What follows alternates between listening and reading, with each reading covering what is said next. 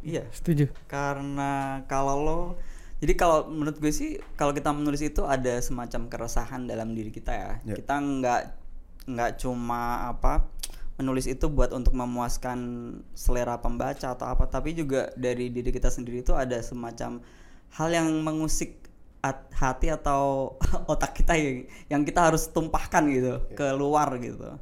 Nah itu nanti jadinya tulisannya lebih ada soulnya gitu daripada kita yang misalnya eh, disuruh orang atau misalnya aku nyuruh Fadil, Fadil kamu tulis ini gitu.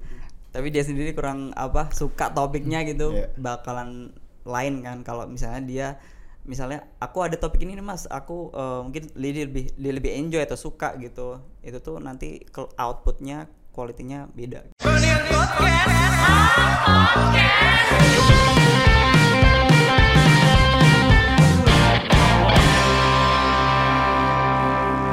Selamat datang kembali di Friend Podcast episode ke-119 kayaknya ya. Gue juga agak lupa.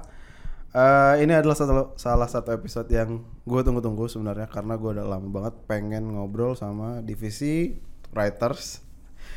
Sekarang udah ada introduce dari siapa? Oke, dari gue ya. Mm-mm. Oke, halo, gue Aklis, gue editor in chief di freeunion.com. Mengepali mengepalai dua dan satu lagi Grace yang sebenarnya nggak ikut ya. Silakan, Fadil atau Lempar-lemparan anjing. Baru intro lempar-lemparan. Lu dulu Gen. Ya, kalau saya namanya Giri Arik Pradana. Pekerjaan content writer saja. Hari-hari datang ke kantor bersama teman-teman. Asik sekali. Oke, Nggak, nggak, nggak. Iya, iya. Gary ini debutnya dia asik. Udah setahun lebih Baru ngantor sekali. baru kali ini podcast. Ini ada sentimen apa? Enggak, Kira-kira kita sama-sama nihilis soalnya. Oh, gitu. nihilis ya, iya. Bahas apa sama Gary kayak sepemikiran dan gua rata-rata kayaknya sepakat-sepakat aja Iya, gitu. iya. Iya bang, iya lah? bang aja ya. Iya, Iya, setuju. Geo. Setuju ya. Selanjutnya ada Bung Fadil. Halo, gue Fadil Ramadan, biasa dipanggil Fadil. Di sini gue bikin rame aja sih, jadi ngelempar jokes, bikin pertanyaan random dan gitu terus setiap hari. Sama satu lagi nge-like-likein foto cewek di Twitter. F follow. Eh follow. Enggak Oh nge-follow. God. ya. Komen paling komen Komen, juga. komen. gua pertanyaan terbesar gua sama tim writers tuh kalian kan harus nulis rutin ya. Iya. Dan itu intens gitu loh. Kadang-kadang konten yang dikemas pun berat bobotnya gitu. Eh beban gak sih misalnya da, secara sadar tuh terchallenge untuk bikin konten tulisan gitu terus-terusan gitu. Yang mana kualitasnya pun ya nggak sembarangan lah gitu mas dari mas Aklis mungkin. Oke. Dari gue sendiri sih karena emang apa ya panggilan dari awal tuh emang suka nulis dan nulis tuh gimana ya? eh, mungkin kelebihan nulis dari media apa cara berkomunikasi yang lain adalah kita tuh bisa ngedit itu berulang-ulang sampai kita benar-benar yakin dengan misalnya pilihan tiap eh, tiap kata yang kita pilih itu benar-benar menyampaikan pesan yang kita ingin sampaikan atau enggak gitu. Tapi kalau kita ngobrol kayak gini kan kadang kita salah ngomong atau mungkin nyeletuk yang mungkin kurang pantas atau apa kan kita nggak bisa edit ya. Iya, iya. ya kan? Agak tapi kalau ya, ya. tapi kalau nulis kan kita bisa oh ini kayak kita baca lagi oh ternyata kurang pas nih itu kelebihannya itu sih. Lebih lambat gitu, ya. Iya, jadi kita lebih bijak dalam menyampaikan dan mengemas pesan itu gitu. Tapi eh kalau misalnya stuck pasti ada momen stucknya dong. Ngapain bisa? Hmm, jangan di depan laptop sih. Do Oh, something oke. else. Oke oke. Iya kan? Iya. Ya, ya lu bisa ngobrol sama teman atau mungkin jalan atau ngopi atau apa deh. Pokoknya jangan jangan apa nulis. Justru Hmm. jangan nulis gitu. Justru jangan dipaksa nulis. Iya, ya? iya. Gitu. Nulis nggak bisa dipaksa tuh ya? Nggak bisa. Oke oke. Kalau lo udah stuck ya udah lo apa pergi ke tempat lain melihat hal yang baru atau apa gitu. Oke oke. Gitu. Kalau dari Bung Geri dan Bung Fadil gimana tuh? Kalau gue emang nulis gak bisa dipaksa coy. Keren. Ya saya setuju lah. Soalnya skripsi gue aja lama karena kagak dipaksa. Kayak gitu. Iya juga sih, bener sih, bener. Cuman akhirnya yang maksa kan kayak tuntutan pekerjaan kayak lu harus nulis artikel, lu harus ngapain Ya dan kan ada kuantitas yang Hmm. harus lo deliver Iya. juga kan. Iya kayak gitu. Akhirnya kita terpaksa mulai riset lagi, baca lagi dan akhirnya nulis lagi karena terpaksa itu. Hmm. Lanjutin aja udah. Nah, tapi di situ ada saat, saat mungkin satu dua hal yang dikorbanin juga ya mas ya. Mungkin kayak ketika kita lagi disebutnya kreatif blog gitu. Sebenarnya nulisnya nggak terlalu bagus-bagus amat, cuman karena besok tulisannya harus naik, otomatis hari ini tetap harus nulis misalkan. Hmm. Nah itu mungkin yang dikorbanin itu kualitas tulisannya gitu. Oke, Tulisannya tetap selesai in time, tapi mungkin Iya, kurang mungkin agak apa ya, kurang menurun. maksimal Iya, aja lah. betul. Ya, Iya, da- iya. tapi itulah eh, kenapa kita harus ada komunikasi gitu. Jadi sehabis kita apa kelar nulis draft tuh kita nggak langsung publish tapi ada second opinion kayak atau Hmm. mungkin eh, kita baca lagi gitu. Jadi ada semacam apa ya perbaikan lagi lah gitu. nggak langsung dikeluarkan gitu atau ditayangkan kayak gitu. Berarti lu pada sepakat ya kalau misalnya nulis tuh ada porsi ego yang cukup besar di situ. Hmm, Atau iya, iya. Atau ya? Iya. Setuju. karena kalau lo jadi kalau menurut gue sih kalau kita menulis itu ada semacam keresahan dalam diri kita ya. Ya. kita nggak nggak cuma apa menulis itu buat untuk memuaskan selera pembaca atau apa tapi juga dari diri kita sendiri itu ada semacam hal yang mengusik at- hati atau otak kita yang yang kita harus tumpahkan gitu keluar gitu. Nah itu nanti jadinya tulisannya lebih ada soulnya gitu. Daripada kita yang misalnya eh, disuruh orang atau misalnya aku nyuruh Fadil Fadil kamu tulis ini gitu. Tapi dia sendiri kurang apa suka topiknya gitu Iya. bakalan lain kan kalau misalnya dia misalnya aku ada topik ini nih mas. Aku eh, mungkin dia lebih dia lebih enjoy atau suka gitu. Itu tuh nanti outputnya kualitinya beda gitu. Selain itu hmm, ego biasanya kepake buat apa sih? Selain buat tahu oh kualitas gue segini, selain itu apa? hmm, Kalau gue kebayangnya tadi kayak eh, mhm. gue bisa lebih memilah isu apa yang mau gue respons. Mungkin itu kan satu iya. gunanya ego Hmm. harus dibawa gitu kan. Selain itu adakah? apa Ger atau Fadil Kalau gue ego nentuin framing tulisan lo tadi kayak angle-nya kayak gimana sama ego lo juga bikin lo lebih kayak misal gue harus bikin tulisan ini bagus nih ini ini deh gue akhirnya lu riset lebih banyak. Ya. lu mengupayakan kalau karena ini pakai nama gua gua harus punya tulisan yang bagus juga karena orang-orang bakal lihat siapa nama tulisnya apa nama medianya kayak gitu sih. Jadi menurut gue ego bisa bi- juga bikin lu uh, produktif dalam buat bikin tulisan juga bikin tulisan lu lebih berkualitas kayak gitu. Hmm. Mau menanggapi nggak apa ya mungkin ego tuh fungsinya lagi untuk menebalkan karakteristik penulis mungkin ya. Oh iya iya iya. benar. Jadi kayak oh ini ketahuan nih misalkan eh, ini tulisannya Fadil kayak gini, tulisannya Gary kayak gini. Mungkin di sisi itu sih aesthetically speaking itu mungkin Hmm. egonya bisa ditumpahin di situ. Oke. Terus kalau misalnya kita mengacu dari pekerjaan kita ini kan ngedeliver konten gitu. Eh, yang mana sebenarnya ngomongin jurnalistik gitu ya. Digital journalism tuh kayak udah nggak terarah gitu kan. Maksudnya udah kayak rimba gitu lah. Ada yang sekedar repost, ada yang nulis eh, dalam cuman nggak laku. lu lu punya pasti pandangan soal itu kan. Kayak yang ini cuma repost repost doang tapi tractionnya gede banget secara angka oke gitu. ada opini soal itu enggak betul betul. Itu kan kayak dilema juga kan di hati penulis kan. iya betul. Eh, jadi kalau gue sih eh, apa ya kita mencoba untuk menemukan titik tengahnya ya. Jadi antara idealisme dan ego tadi dari penulis sendiri sama kita juga harus menemukan eh, apa ya keter, eh, titik yang atau spot yang sweet untuk kita angkat eh, dari si pembacanya. Jadi mereka tuh seleranya apa lagi suka ngobrolin apa gitu. Jadi kita tidak cuma menulis untuk ke kepuasan diri sendiri tapi juga ada apa ya manfaatnya atau sisi hiburannya ke pembaca gitu. Jadi ya memang di situlah seninya gitu. Jadi kita harus menemukan keseimbangan di antara dua dunia itu gitu. Ingin menanggapi bung bung yang dua ini? Eh, mungkin sampai sampai detik ini tuh masih agak kesulitan juga tuh mas untuk maintain nilai tengahnya gitu loh kayak Hmm, Ya. iya.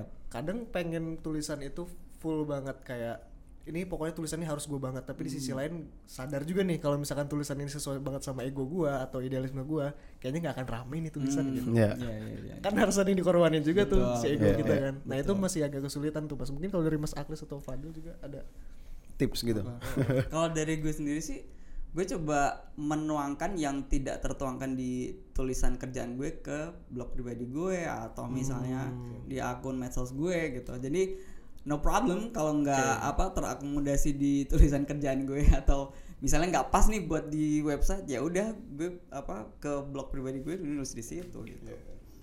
Gitu. Jadi kreativitas lo tetap tersalurkan dan nggak apa mengendap gitu aja gitu. Jadi lo tetap ada pelampiasannya gitu.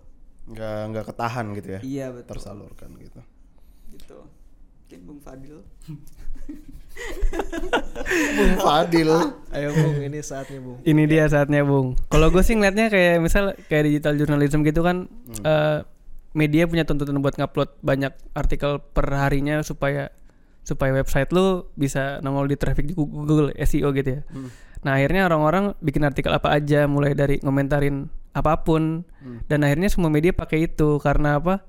Karena ya emang cara itu buat bertahan hidup. Jadi Kalau ditanya berkualitas apa enggak ya Hmm. ya nggak juga tapi tetap ada yang kayak gitu kok toh konten bengong di YouTube 2 jam juga ada yang nonton gitu Iya. maksud gua berguna enggaknya relatif sih kan ada orang yang merasa kayak gue juga hidup nggak usah berguna berguna banget toh nonton konten yang nggak berguna berguna banget kayak gitu. Nihilis banget.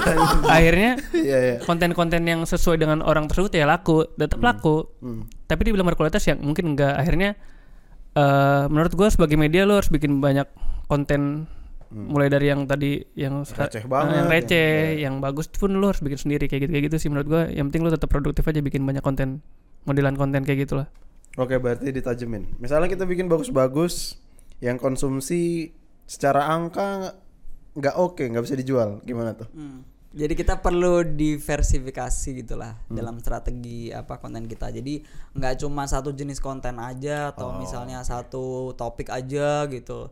Tapi kita juga harus ada misalnya kayak eh, komposisinya lah misalnya eh, berapa persen serius, berapa persen yang receh, terus berapa persen yang eh, mungkin yang lebih ke ngejual atau ada yang lebih ke brand kayak gitulah. Jadi kita tuh bisa hidup gitu. Iya. Jadi nggak cuman idealisme mulu atau misalnya ngelayanin kepentingan komersial mulu, tapi juga semuanya bareng-bareng gitu. Hmm. Gitu. Tapi kalau misalnya dari eh, kita bikin konten, kita tahu lah ini siapa penikmatnya gitu. Mm-mm. Tapi dari dalam diri angkanya nggak oke tuh ada kekecewaan tersendiri nggak sih dari kalian? Nah. kecewa mah ada Oke oke pasti, oke. bro. sama lah berarti ya. itu Sama ya kayak gue ya berarti. ya. Iya. Kalau kalau dari gue sih gimana ya?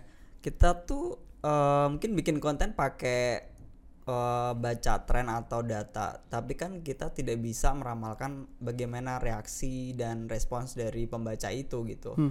Jadi tugas kita sebenarnya adalah memproduksi atau menulis konten yang sebaik mungkin aja udah itu.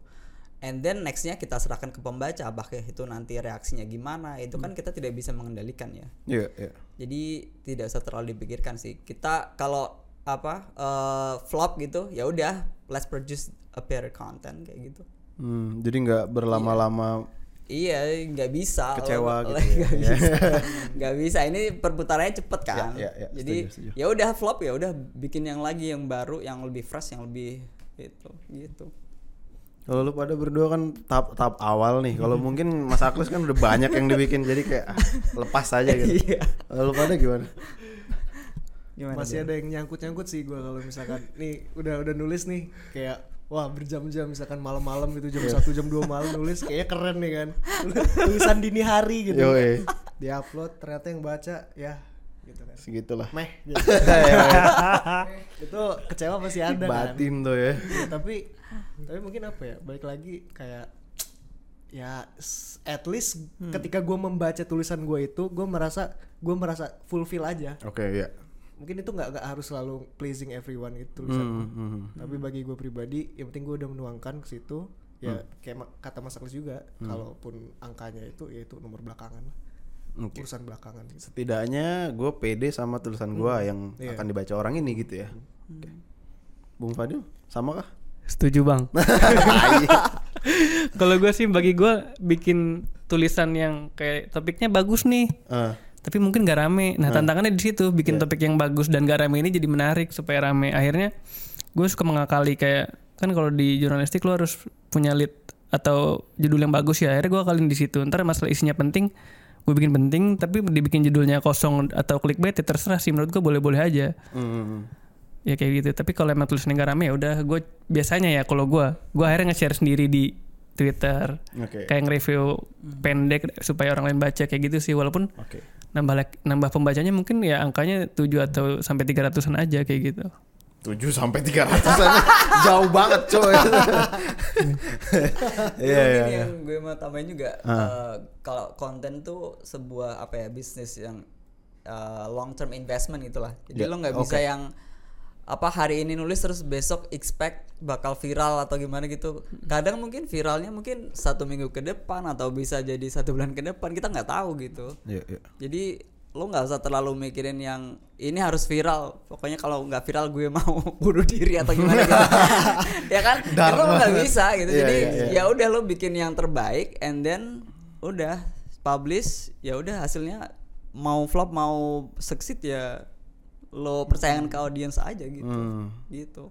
Nggak, ya nggak berlarut-larut langsung ganti Iya, ke iya, medium move on, apa? move on. Medium lagi. Ke konten lain konten ya. lain. Garap konten lain gitu. Iya. Ada beberapa kasus ya mas ya, kayak misalkan kita nulis bulan ini atau baru viral Iya, bulan betul, depan atau iya. dua bulan Oke. selanjutnya. Jadi kadang ada satu misalnya artikel ya yang kita publish mungkin bulan lalu gitu. Oh tiba-tiba ternyata orang nge- ngebicara uh, tentang topik ini lagi gitu dan itu artikelnya tiba-tiba langsung populer gitu. Jadi kita tuh nggak tahu uh, ke depannya masa depan konten ini tuh kayak gimana gitu. Jadi Iya. kita jangan kecewa kalau misalnya uh, satu hari uh, misal 24 jam dari kita udah nayangin itu kemudian kayaknya ah yang baca baru tiga atau empat gitu Iya. ya take it easy gitu. Iya, Tib- iya. Nanti siapa tahu ada yang apa eh, baca lebih banyak lagi gitu, nge-share lebih banyak lagi gitu. Jadi ya udah kita serahin aja sih. Kita- Berarti iya. tawakal ya. iya, iya. Bismillah Pasti ngerti itu gua. Iya, iya, iya. iya. Iya. Kalau misalnya eh, balik lagi ke digital journal journalism gitu. Hmm. Sekarang ya gue masih pengen nge-address banyak akun-akun yang asal repost gitu loh mas. Uh, uh. Lu punya pandangan gak sih soal akun-akun kayak gitu? Kalau menurut gue sih akun-akun kayak gitu mungkin lebih ke apa ya? Itu kan mencurangi etika Iya, jurnalisme. Iya, betul. Iya betul. Karena mereka tidak me- apa ya mendapatkan informasi itu dari sumber primer atau Hmm, mungkin nggak susah-susah lah ya. Itu lebih ke kayak Kopas. kopas ya betul sih. Me repackage doang apa eh, informasi yang udah ada dari orang lain gitu dan eh gi- menurut gue eh, apa ya? Etis atau enggaknya itu waduh itu sangat relatif ya. Hmm. Jadi di di jurnalisme pun nggak ada ininya ya, nggak ada. Oh ini benar ini salah, nggak ada gitunya. Sebetulnya ada sih, maksudnya kita eh, at least kita harus kasih kredit sih ke orang yang eh, apa misalnya udah mendapatkan informasi itu dari sumber apa yang langsung gitulah ya sumber primernya. Tapi yang tidak etis itu sebenarnya adalah kita tiba-tiba mengupload sebuah konten yang diperoleh oleh orang lain gitu. Nah itu baru nggak etisnya gitu. Tapi kalau cuman kopas dan si sumber pertamanya itu bilang fine fine aja ya kita juga nggak bisa bilang itu kan, maksudnya menyalahkan gitu. Toh mereka udah apa konsen ada ada apa persetujuan gitu. Iya, ya udah tapi eh, mungkin a- audiens kita aja ya, maksudnya masyarakat kita yang perlu dididik bahwa eh, men- untuk mendapatkan informasi atau berita itu sebenarnya nggak mudah loh gitu. Baik. Iya, jadi eh tapi nggak apa-apa sih, maksudnya gini loh. eh, berita-berita yang berkualitas itu pasti nanti ada audiensnya sendiri, ada ada segmennya sendiri gitulah. Itu menunjukkan apa ya tingkat intelijensia kamu, kemudian kematangan berpikir kamu gitu. Kita tahu lah orang-orang yang misalnya suka repost konten yang misalnya eh, terlalu banyak yang kayak kopas-kopas kayak gitu. Pastinya mereka mungkin uh, tingkat pendidikannya nggak setinggi yang misalnya mereka mau untuk mengkonsumsi konten yang lebih Dalam gitu. ya susah diproduce kayak gitu jadi itu menunjukkan apa ya tingkat kematangan berpikir seseorang juga kayak gitu sih Bung Fadil ingin menambahkan aman? Nambahin satu kali ya. Siap. Sikat aja bang. Sama buat ngambil kutipan dari misal tweetnya siapa nih rame dijadiin artikel kayak gitu Iya. atau Iya. Postingan siapa nih di Instagram rame dijadiin konten di artikel. Menurut gua boleh, tapi caranya lu harus ya lu harus verifikasi ke orang terkait. Dulu kan Fredian juga kalau misal tips bi- eh, misal tips branding apa, misal kita ngutip dari Suhadi di Instagramnya, gua kok komen dulu di postingannya. Eh, mas Mas Yuswadi saya ada reporter Frenian izin ngutip ini buat website ya. Ntar dia baru komen iya. Atau Oke. waktu Mas Pinot lagi sakit kan gue izin ke istrinya buat Kak, eh, aku mau izin ngutip ini buat artikel Frenian.com ya ntar diizinin ya udah post kayak gitu maksud gue hal, kayak gini kan bisa lo lakuin Iya. dan sebetulnya mudah aja kayak gitu lo tinggal konfirmasi ntar kalau diain lo bisa silakan publis atau lo bisa beriringan kalau dia nolak lo bisa turunin kayak gitu Mhm. cuman kan banyak yang langsung aja bikin upload bikin upload jadi kayak sampah digital gitulah cuman Iya. ke- ya kembali ke media sendiri sih masing-masing media kan cara kerjanya beda-beda kayak Iya, gitu sih Cara gua. cari duitnya juga beda. iya ya. betul itu Iya, iya. Eh, tadi adalah salah satu topik diskusi yang pengen banget gue bahas tuh yang mungkin balik ke dasar banget nih ke masing-masing dari kalian. Kenapa kalian tuh mau nulis? Itu dulu deh. oke silakan Silakan. Bu Fadil hai Apa gitu Hai openingnya. kenapa mau nulis ya Yoi. jadi tuh gue sendiri sebelum suka nulis awalnya suka baca jadi gue tuh ba- buku yang gue baca dulu Mark Twain judulnya Petualangan Tom Sawyer. Setelah itu gue mulai suka baca buku-buku berikutnya kayak Petualangan Huckleberry Finn yang kedua terus dan menurut gue baca buku tuh salah satu cara berpetualang tanpa berpindah tempat kayak gitu. Dan akhirnya gue pun gue sendiri kan suka naik gunung. Terus jadi setiap gue naik gunung pun gue tuh ngirim tulisan gue tuh ke ke website-website lokal misal Tribun Travel atau travelnetic.com dan semacam-macamnya. Akhirnya dan ada yang baca dan ada yang bilang gini gue kangen naik gunung karena baca tulisan lo gue jadi mengobati keinginan gue naik gunung. Jadi gue rasa apa yang dirasain pembaca itu apa yang gue rasain dulu waktu gue baca bukunya Mark Twain kayak gitu. jadi gue rasa ini siklus aja sih dan gue suka kayak gitu. Sampai sekarang. Mantap, mantap. Gokil. Mas Aklis, Mas. Kalau gue sendiri sih karena mungkin dari kecil di apa ya banyak buku gitu di sekitar gue dan karena orang tua gue juga uh, pengajar ya jadi baca buku tuh udah kayak second nature aja gitu. Dan karena gue juga kebayang kalau nanti gede kayaknya enak nih duduk-duduk doang nulis terus dapat duit gitu. Nggak harus ke mana-mana. Dan itu terbukti pas uh, pandemi kemarin gitu gue masih tetap bisa kerja walau- walaupun mungkin orang lain pada ngeluh ppkm nggak bisa ke mana-mana gitu apa nggak nggak dapat duit tuh. Tapi buat penulis itu lo masih bisa kerja literally. Jadi sema- sepanjang lo ada gadget and then uh, sinyal wifi lo masih tetap dapat cuan gitu.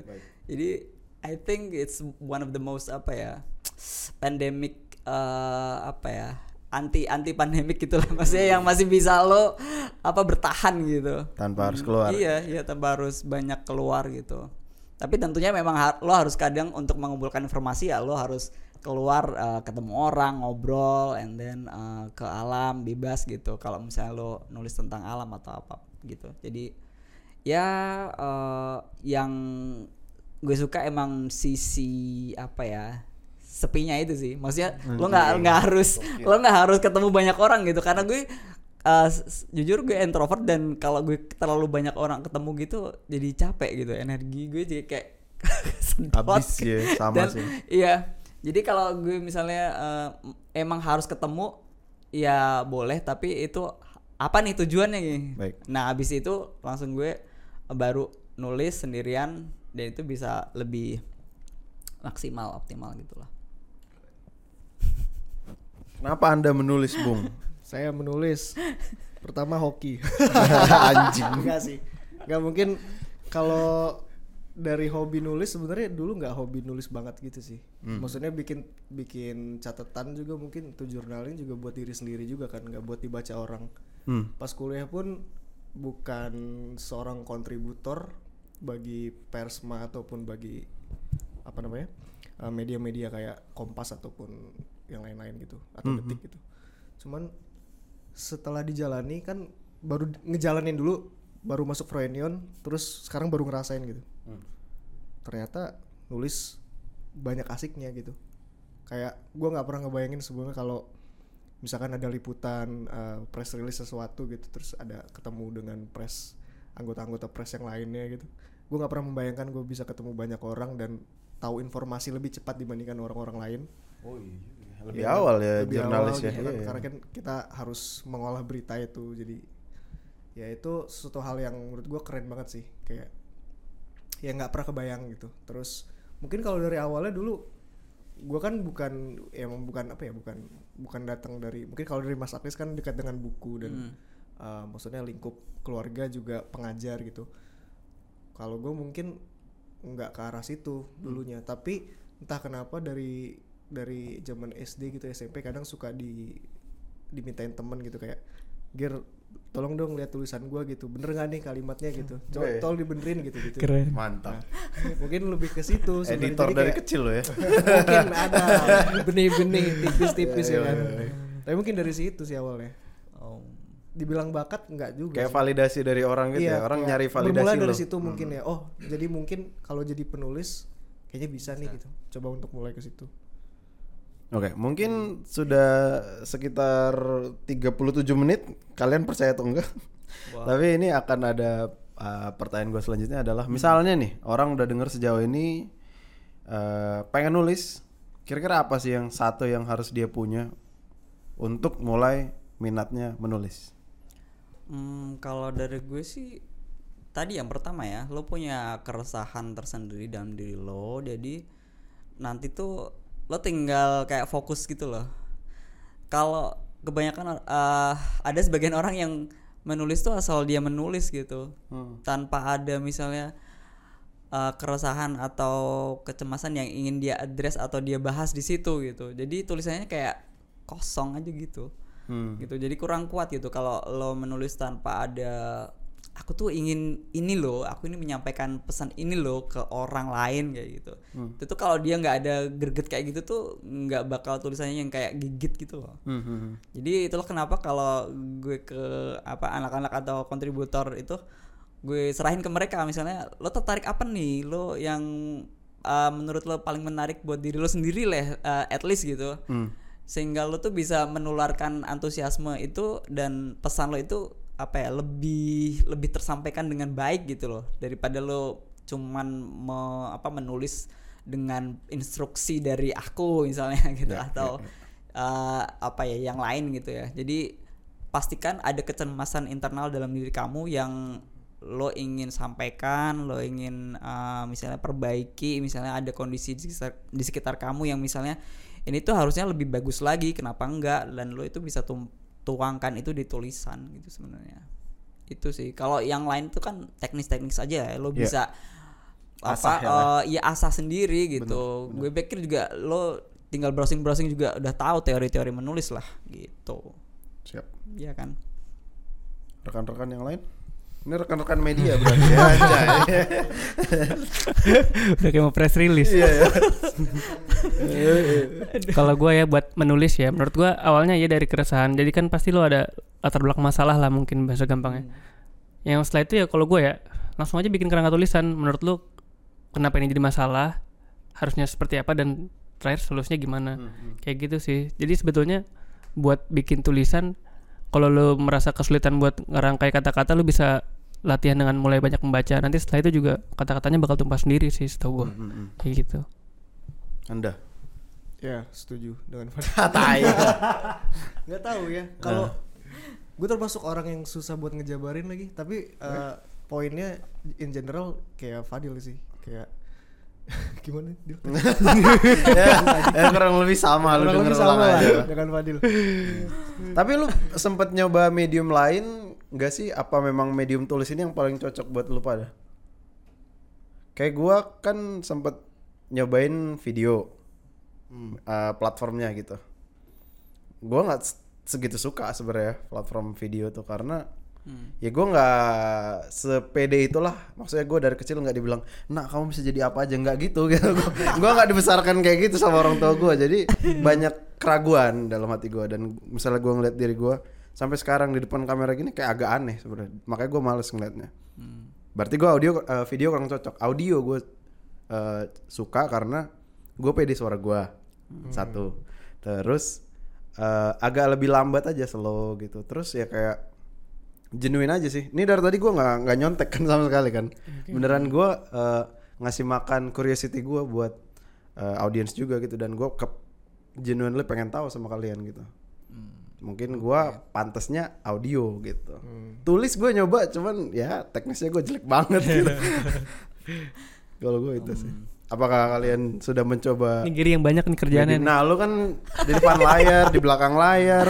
Iya, di Lu TikTok, banyak iya iya kan? di TikTok, vertical format gitu. Edan. Landscape format ada. Semua lu ada gitu. A portrait A gitu. Nah, portrait ada. bintang iklan udah ya Iya, TVC, Iya. billboard. Enggak. merambah ke berbagai Tulis juga. Ini sekarang audio nih dia. Nah, Semuanya dikerjain lima Giri. elemen sudah kukuasai. Jadi medium yang mana Geo menurut lo Geo? yang paling nyaman ya. Hmm, hmm. Dan apa sih sebenarnya beda-bedanya di setiap medium ini mungkin Nggak tahu ya. Paling yang gua rasa paling aman dan nyaman menulis sejauh ini. mantap. Karena kan ya itu tadi room for errornya mungkin kecil ya. Karena lu selalu bisa uh, rollback ngelihat tulisan lu apa yang salah, apa yang salah, apa yang kurang enak dibaca, apa yang kurang bagus kalimatnya lu bisa benerin sebelum dipublish gitu. Sedangkan kalau misalkan lu ngomong ya susah aja spontan gitu Kenapa, kadang. kenapa lo Iya kan, ngos-ngosan? kayak Iya. gitu. iya Sa- apa ya maksudnya ya yang paling aman dan nyaman mungkin menulis lah Tetap nulis ya. Eh, cuman curiosity gua atau mungkin lebih penasaran lagi mungkin di visual karena Hmm. gue orangnya termasuk yang ketimbang tulisan yang stagnan jujur emang pengen apa ya bukan pengen juga sih lebih tertarik ke sesuatu yang bergerak dan memicu apa ya menstimulus uh, visual gue lah gitu Hmm, hmm, hmm. kayak mungkin uh, ke depannya pengen coba untuk bergerak ke sana juga berbarengan dengan tulisan ini entah nanti apa kita bisa memproduksi apa atau memproduce apa gitu dari si visual dan juga tulisan ini gitu mungkin kayak tipografi tipografi tapi sambil pakai video gitu gitu kan Iya, iya. bisa sih puisi puisi apa Anjing. Iya, iya, iya, iya. iya. Mandi di subuh hari. tapi kan banyak yang apa TikTok TikTok video gitu yang viral Iya. cuman karena apa teks-teks yang Quotes, quotes, Quotes, iya, quotes gitu, gitu ya. Kasih Iya, lagu iya. galau. pakai stok video Iya, ya iya. kan di belakang Footage-nya Sudirman hujan ya. kasih filter sepia Iya, bikin galau-galau gitu lah ya Hmm. iya pasti bisa tuh Pada akhirnya kan gimana cara kita menyampaikan pesannya aja Iya, kan ke betul. komunikannya kan. betul Oke, ini mungkin pertanyaan terakhir kalau misalnya abis ini kita akan membahas tentang buku. Terakhir itu tadi ini sih, eh, menurut kalian ketimbang medium lain ini tuh eh, kuatnya apa dan apakah orang tuh harus setidaknya nyoba membaca medium tulis ini? Oke, kalau menurut gue sendiri sih medium teks itu lebih ada kelebihannya dalam hal misalnya lo mendapatkan konteks yang lebih utuh uh, akan suatu masalah atau suatu topik ya. Jadi kalau misalnya kita lihat nih, kita bandingkan misalnya dengan video TikTok ya. Lo kan paling apa video TikTok tuh berapa menit sih, ya kan? Satu, satu setengah. kadang orang baru 5 apa 15 detik gitu udah gitu dan itu pun apa ya lu nggak bakalan dapet konteks yang menyeluruh Iya, atas sebuah masalah dengan cuman nonton video TikTok yang berapa detik dan berapa menit itu gitu. Siap. dan ada isu-isu yang uh, lebih enak dituangkan dalam bentuk teks yang panjang lebar gitu daripada misalnya cuman YouTube Shorts atau uh, TikTok video kayak gitu. Uh, karena sekarang itu makin banyak apa ya uh, isu-isu yang lebih kompleks yang lo tuh uh, nggak bisa pahami dari cuman satu sisi saja tapi harus dari banyak sisi sehingga lo bisa oh apa bisa ngejudge gitu loh oh berarti yang bener tuh yang kayak gini atau yang salah kayak kayak gini. Jadi lo nggak bisa nge- apa cuman menggunakan satu sisi doang terus langsung ngefonis misalnya orang ini kayaknya salah nih. Hmm. itu kan banyak orang yang misalnya eh, lo lihat orang marah-marah di TikTok apa oh dia pemarah nih langsung kita ngejudge gitu kan.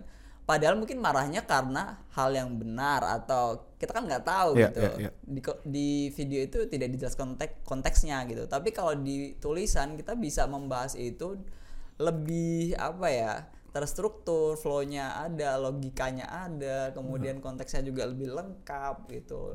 Kita nggak cuman mungkin mewa- bisa mewawancarai atau membahas tentang si orang yang tampil di video itu tapi juga mungkin eh, orang lain yang menyaksikan atau mungkin saudaranya dia gimana jadi banyak hal yang apa ya banyak sudut pandang yang kita bisa masukkan ke sebuah tulisan sehingga pemahaman kita terhadap satu isu itu lebih lengkap dan lebih seimbang dan lebih fair gitulah gitu gitu sih Gimana kalian nggak mau nimpalin ya?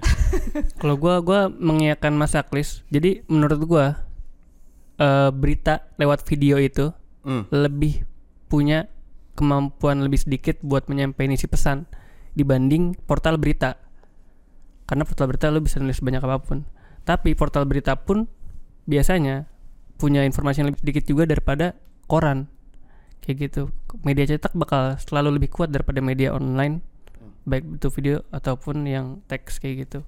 Karena media cetak seperti koran emang dibuat dengan eh, seksama terus ketelatenan keahlian dan akhirnya berisi kayak gitu baru diterbitin like terbit lah sedangkan kalau media yang kayak yang portal berita gitu kan lu ngejar eh, on time aja atau yang penting aktual lah terkini dan kalau ada salah pun nanti bisa diedit sedangkan cetak nggak bisa Iya. lu harus bener kalau kelar langsung di Edar. print ya. gitu kalau bahkan kalau lu salah terbit pun lu harus lu harus mau apa ngucapin Ralat. eh, ngeralat gitu Oh. dan segala macam terus menurut gua buku fisik pun juga lebih kuat daripada eh, di- lu baca di HP menurut gua karena dengan lu memegang buku fisik lu lebih sedikit distraksi misal lu kalau baca Iya, di iya, HP bener, bener. lu pasti gatel bukan notif gitu-gitu loh Twitter, Instagram. ya. dan semacam-macamnya kayak gitu sih kurang lebih Mantap. Tuh. Gitu lah Ya, saya setuju dengan Mas Aklis dan Fadil. Berarti Bung Geri ini kayaknya aman aja nih terus-terusan ya. Aman aja. Aman aja ya. Daripada salah ngomong, guys. Enggak, enggak. Dia lebih nyaman nulis kayaknya dia. Iya deh, nulis.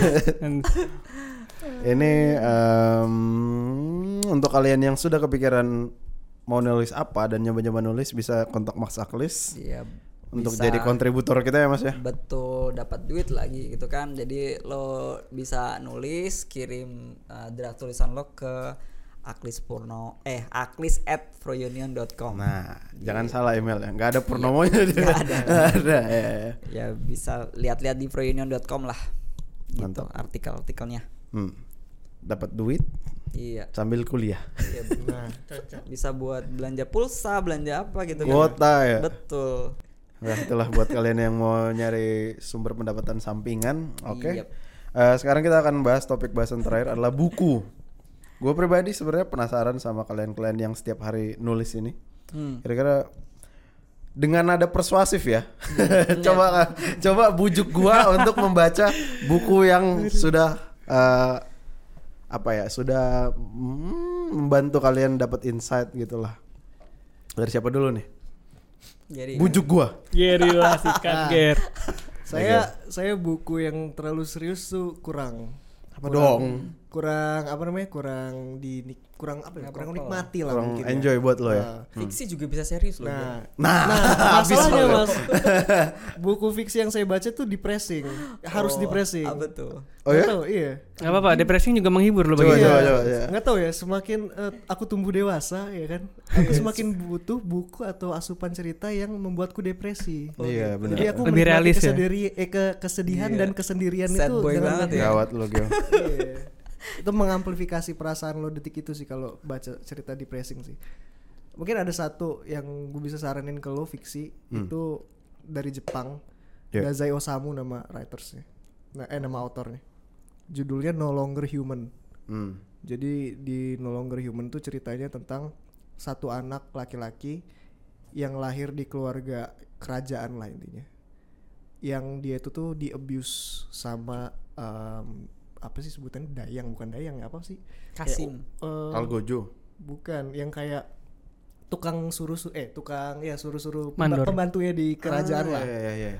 Eh, mungkin karena dia cute cutie little boy gitu dia suka kayak disodomi dan lain-lain sama Anjing berat banget. dan itu sampai akhirnya dia besar gitu menjadi seorang lelaki umur 20-an dia selalu memikirkan tentang hal itu nggak nggak bisa lepas dari traumanya dan in the end apa ya progresi ceritanya adalah menunjukkan si karakter utamanya yang no longer human. In the end dia menganggap semua orang di dunia ini tuh nggak lebih dari serangga lah ibaratnya.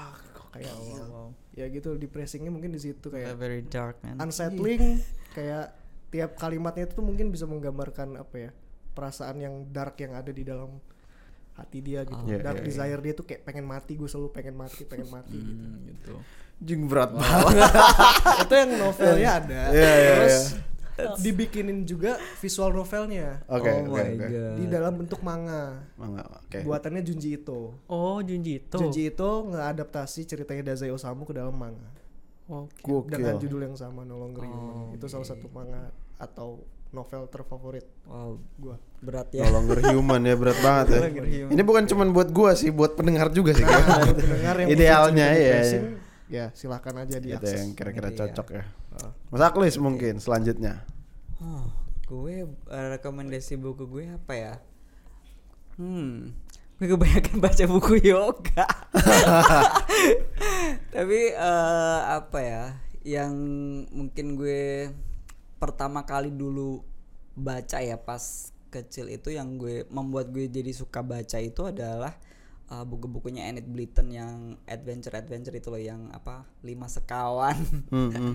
itu aku suka banget kayak gitu-gitu karena apa ya mengasah kayak hasrat lo untuk mengeksplor dunia kayak gitu loh dan hal-hal yang apa yang lo belum ketahui and then dari situ ada surprise surprise yang lo nggak du- nggak nggak duga dan apa ya itu tuh kayak membuat lo tuh wah dunia tuh bener-bener di luar apa ya dugaan kita loh bisa jadi ada hal-hal menyenangkan di luar sana jadi semacam menumbuhkan optimisme sih buat gue kalau eh, buat misalnya dibaca pas anak-anak atau remaja gitu kayak wah ternyata ada pertemanan ada petualangan seru ya kebalikan dari yang dibaca Gary ya Iya, ini antitesisnya. Ya. Gelap banget cowok yang tadi. Kalau buku rekomendasi gua mungkin ini ya. Judulnya Kenang-kenangan Mengerikan Beruang Kutub. Ceritanya tuh ada beruang kutub bisa ngomong. Namanya Baltazar. Dia ditaruh di kebun binatang dan melihat manusia dari dalam kandang. Terus dia melihat kalau manusia ini aneh ya, kok mereka saling meninggalkan gitu loh. Padahal kami mamalia atau burung-burung camar pun saling mendukung satu sama lain gitu. Isinya tuh kritikan-kritikan tentang cara hidup manusia, bagaimana perilaku manusia ah, satu sama lain. Dan buku ini cuma tipis kayak cuma 200 halaman dan tapi menurut gua seru sih. 200 atau 100 sekian gitu. Recommended Tebel dah.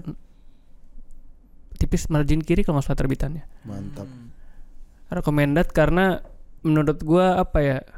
eh nilai-nilai kebersamaan antar makhluk hidup diajarin oleh beruang gitu lucu aja Iya, sudut gitu. pandang beruang ya. dari sudut pandang beruang kayak gitu. Recommended Ya gue sekarang lagi lumayan hilang arah gitu kan terus pas gue baca bukunya hmm, optimis banget gitu loh. Hmm. Ya latar belakang ceritanya di Yunani gitu ya Geo ya. Hmm, di Accra ya. Di Accra tahun 1909 gitu. Terus ada tulisan bahasa gak tahu bahasa apa di transkrip jadi tulisan bahasa Inggris akhirnya yang translatein Paulo Coelho itu tentang ada satu orang bijak eh, kota ini lagi akan diserang sama pasukan Israel gitu.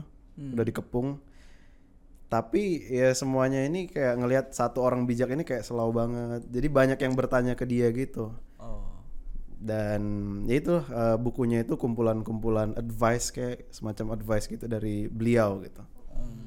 Itu kalau misalnya lu pada lagi depressing kayak Gary tadi tuh baca itu aja lah.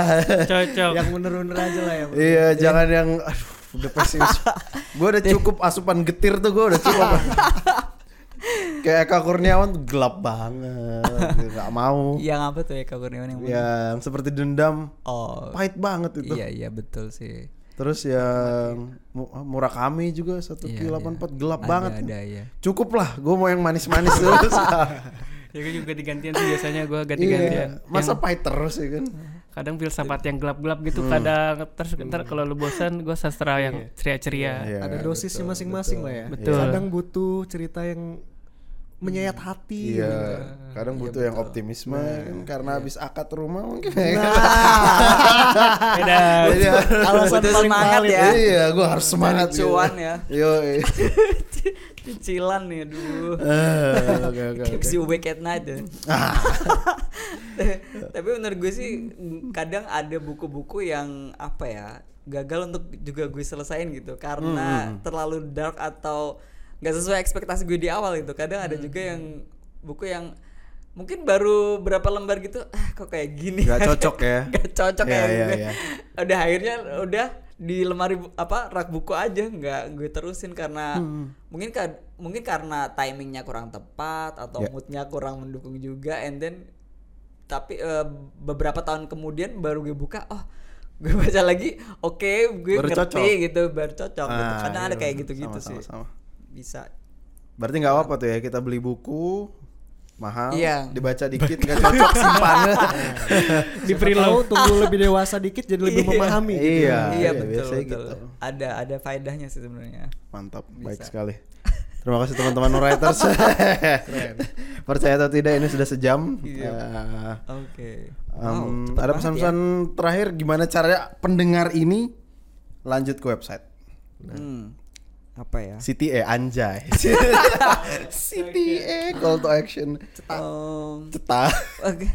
Dari dari eh, di di sini ke website mungkin eh, untuk teman-teman broadcast yang mungkin dengar ini bisa nih eh, kamu lihat ke kanan kiri atau membuka indera kamu melihat apa ya untuk kamu supaya bisa menemukan keresahan-keresahan di sekitar eh, lingkungan kamu. nggak usah jauh-jauh karena kadang anak muda tuh kayak aku tuh pengen nulis tentang misalnya negara apa gitu, kota apa yang sebenarnya jauh banget dari kehidupan sehari-hari mereka gitu. Mereka kayak terobsesi dengan apa ya?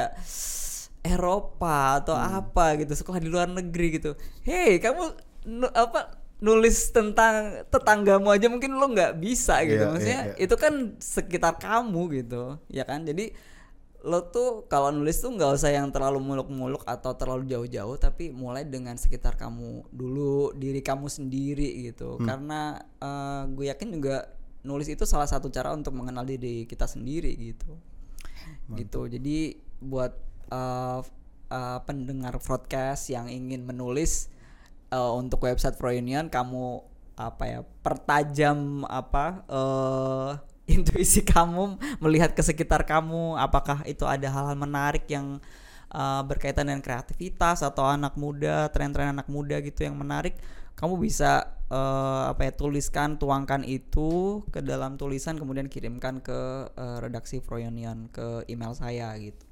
Aklis at froyonion.com gitu Kalau dari gua buat pendengar, eh, mungkin lu udah ngikutin podcast ini sejam atau mungkin dari episode awal gitu. Terus lu nyaman dengan platform audio, cobalah yang tulisan juga. Eh, lalu selain itu, hmm, misalnya ini udah lu dengerin sejam dan lu suka secara mereka bercerita, lu suka opini-opini mereka, lu bisa kenal mereka lebih jauh di tulisannya di website gitu ya, Iya, atau betul. Kalau mau lebih dekat lagi sama Gary sama Padil ke Instagramnya aja. Oke segitu ya dari kita ya. Terima kasih teman-teman sudah mendengarkan Foreign Podcast. Jangan lupa follow di eh, mana aja, oke? Spotify, Instagram, TikTok di mana pun. Eh, kunjungi website kami juga. froyonion.com Eh, terima kasih kami berempat pamit. Bye guys. thank you Terima kasih civilians. see you Mantap.